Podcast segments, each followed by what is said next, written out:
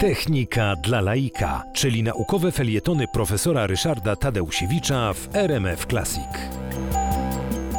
Obrazowanie medyczne to dziedzina, która w tej chwili no, odnosi chyba największe sukcesy.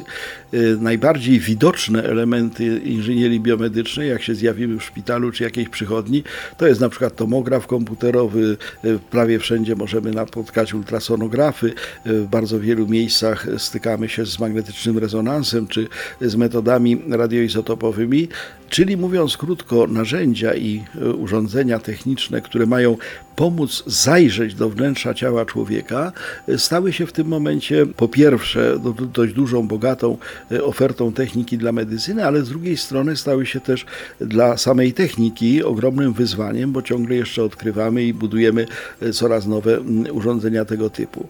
Nastąpił dzięki technice radykalny przełom w kontakcie lekarza z pacjentem. Przez całe stulecia, od właściwie no, od Hipokratesa, od starożytnych medyków, właściwie kontakt y, lekarza z ciałem pacjenta kończył się na powierzchni skóry. Lekarz mógł tego pacjenta oglądać, mógł go opłukiwać, mógł go osłuchiwać, natomiast to, co tam było w środku, y, praktycznie biorąc, było nie, nieosiągalne, niezauważalne dla tego lekarza, a przecież wiemy o tym, że y, istota większości chorób tkwi w tym, że coś tam się dzieje wewnątrz. Sekrety nauki odkrywa profesor Ryszard Tadeusiewicz. rozwój techniki medycznej, bardzo różnych zresztą technik, doprowadził do tego, że w chwili obecnej ciało człowieka, pacjenta można traktować jako zupełnie no, przeźroczyste.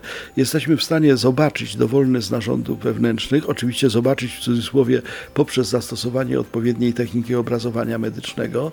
Możemy sprawdzić, czy kształty i rozmiary poszczególnych narządów odpowiadają temu, co można by było uznać za jakąś normę i na czym polega ewentualna deformacja będąca źródłem choroby.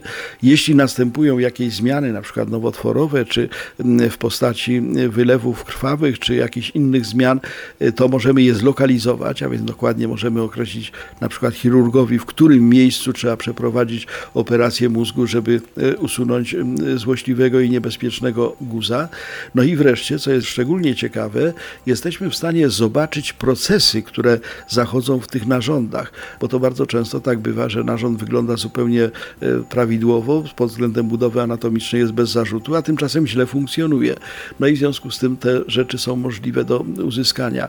Zapraszam Państwa na kolejne pogadanki i do kolejnych felietonów, w których będę po kolei próbował poszczególne metody obrazowania medycznego opowiedzieć. Każda z nich ma jakieś zalety i wady.